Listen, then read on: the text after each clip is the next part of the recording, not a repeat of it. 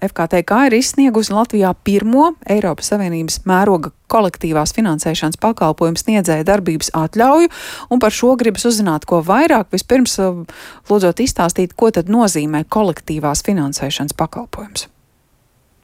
Jā, uh, kolektīvā finansēšana ir jauns uh, finansējuma veids, kas paredzēts pamatā maziem un vidējiem uzņēmumiem. uzņēmumiem. Uh, ir jāņem vērā, ka kolektīvā finansēšanas palīdzību finansējumu nevar piesaistīt uh, fiziskām personām savu patēriņu vajadzībām. Toties šīs fiziskās personas var ieguldīt. Uh, pati kolektīvā finansēšana kā tāda ir starpniecība, uh, kura uh, saved kopā uh, potenciālos ieguldītājus un aizņēmējus kā tādus. Ja? Un šāds pakalpojums izpaužās divos veidos. Viens ir aizdevums, aizdevuma veidā ar aizdevumu summas un procentu maksājumiem, un otrs ir tieši ieguldījuma veidā kapitālā. Kļūstot par nu, šo līdzīpašnieku šo uzņēmumu, nu, šajos uzņēmumos. -hmm. Praksē tas izpaužās tā, ka jūs kā potenciālais klients vēršaties pie ieguldījuma platformas un reģistrēt jūs kā ieguldītāju. Un jums tad ir atvērtas iespējas pieteikties dažādos ieguldījumu pakalpojumos. -hmm. uh, projekti kā tādi Uh, varbūt daži un dažādi, gan apjomu, gan to veidu ziņā. Piemēram, uzņēmējs zemnieks vēlas piesaistīt finansējumu jaunu traktoru iegādē, vai būvnieks vēlas uzcelt, renovēt jaunu māju vai ēku, ja? vai arī kāds uzņēmējs izgudrojas jaunu preci un vēlās uzsākt tā ražošanu.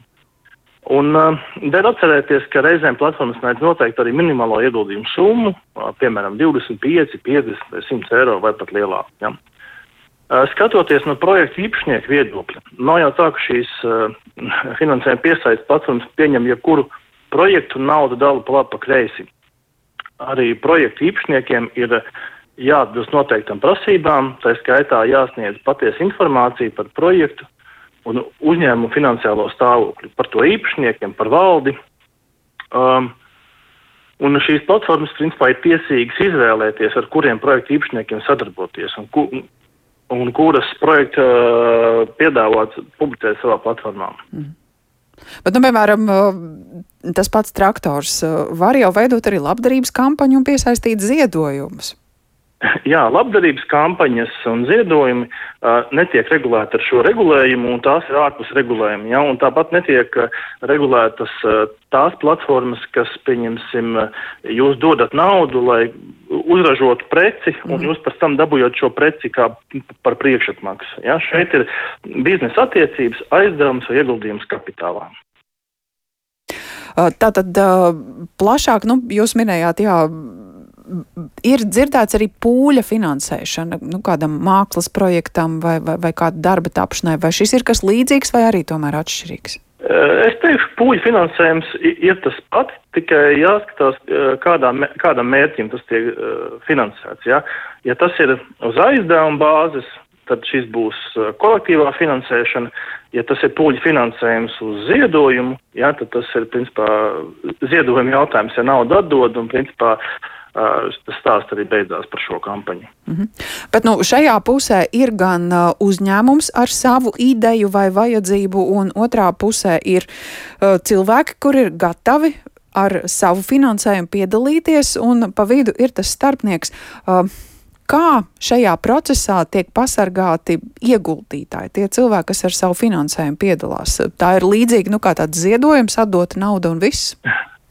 Eh, jā, nu šeit jāuzsver, ka šī, šīs jomas sakārtošana ar šo vienotu Eiropas regulējumu noteikti veicinās drošākas investīcijas un mazinās tos riskus, kad eh, šo platformu īpašnieki vienkārši aizlaižās ar šo naudu.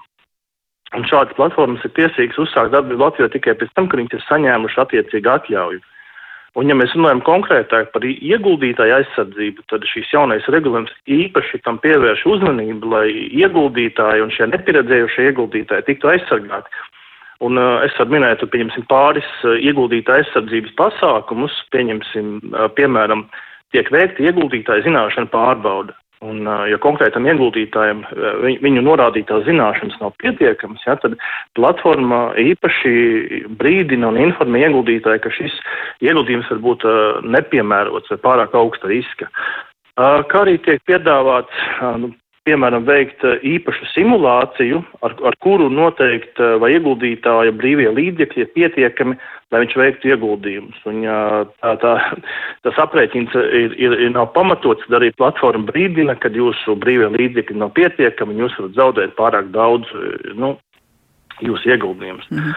Un uh, regulējums ir arī izstrādājis vienotus brīdinājumus visām platformām, kuras obligāti ir jā, jābrīdina iedzīvotāji, uh, kaut vai par tādiem aspektiem, kā, ka šie, uz šiem ieguldījumiem neatiecās valsts uh, noguldījuma aizsardzības schēma, ja? un kā arī to, ka uh, konkrētā projektā, ja jūs ieguldat, ja tas negarantēs 100% peļņu, un ieguldās, ieguldītās summas atmaksas. Ja, par, tā, par tādām lietām tiek brīdināti. Un vēl ļoti svarīgi ir tas, ka uh, iedzīvotājiem, ja ieguldītājiem tiek piedāvāts pirmslīguma pārdomu periods.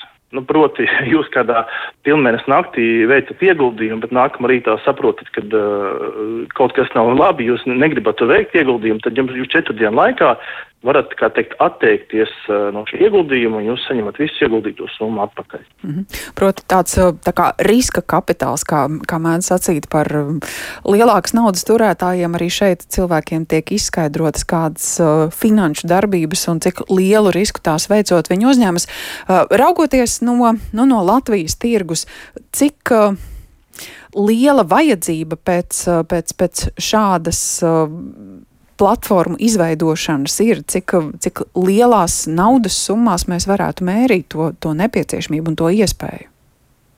Jā, es teiktu, ka Latvijai tā ir vien, viennozīmīgi ļoti laba iespēja gan Latvijas iedzīvotājiem, gan uzņēmējiem, kuriem būs iespēja piesaistīt šo finansējumu. Un, un ja Latvijas uzņēmums vēlas piesaistīt finansējumu, viņš to var darīt līdz 5 miljoniem eiro ja, vienā platformā. Uh, Un ieguldītāji, nu, principā, varbūt no visas uh, Eiropas, ja, tik cik platforma pie, spēj piesaistīt sev ieguldītājus, tik ieguldītāji arī iesaistās šajos darījumos.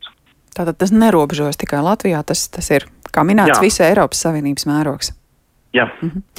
Uh, izskanēja arī, ka, ka šī ir joma, kurā ir līdz šim darbojušies arī negodīgi cilvēki. Kā pārliecināties, ka tā platforma, kura uzrunā investorus, tā platforma, kur uzrunā uzņēmējus, ir um, atbilstīga, licencēta darboties Eiropas Savienībā. Kāds šis reģistrs, kur to var redzēt? Jā, nu šis ir ļoti, ļoti aktuāls jautājums. Galvenokārt jāņem vērā, ka sadarbojoties ar šīm platformām vai kuriem finanšu pakalpojumu sniedzējiem, ir jāievēro vispārējās drošības un piesardzības pasākumi. Ja? Un noteikti sadarbību vajadzētu veikt tikai ar tādiem pakalpojumu sniedzējiem, kur ir licencēti. Un par Latvijā licencētiem un tādām, kas ir tiesīgas Latvijā strādāt, var pārliecināties mūsu mājaslapā. Ja, ja, ja principā, ja šis uh, pakalpojums sniedzējs nav atrodams pie, pie mums, ja, tad tas nozīmē, ka uh, šis varētu būt krāpniecisks pakalpojums. Un pašlaik arī Eiropas banku, uz, uh, Eiropas vērtspapīru uzraudzības iestāde plāno veidot Eiropā kopējo reģistru. Ja, viņš pašlaik ir izstrādes stadijā, bet nu, plānot līdz gada beigām izstrādāt, un arī šajā eh, Eiropas reģistrā redzēsim arī citas Eiropas valstu platformas. Mm -hmm. Tātad FKTK šobrīd ir tas drošākais avots, kur noskaidrot, kā tas darbojas. Paldies par šo informāciju Finanšu kapitāla tirgus komisijas licencēšanas daļas pārstāvim Ingum Valtiņam. Viņu bijām aicinājuši uz sarunu, ņemot vērā to, ka uh, Latvijā pirmo Eiropas Savienības mēroga kolektīvās finansēšanas pakalpojumu sniedzēja darbības atļauju ir saņēmusi pirmā platforma.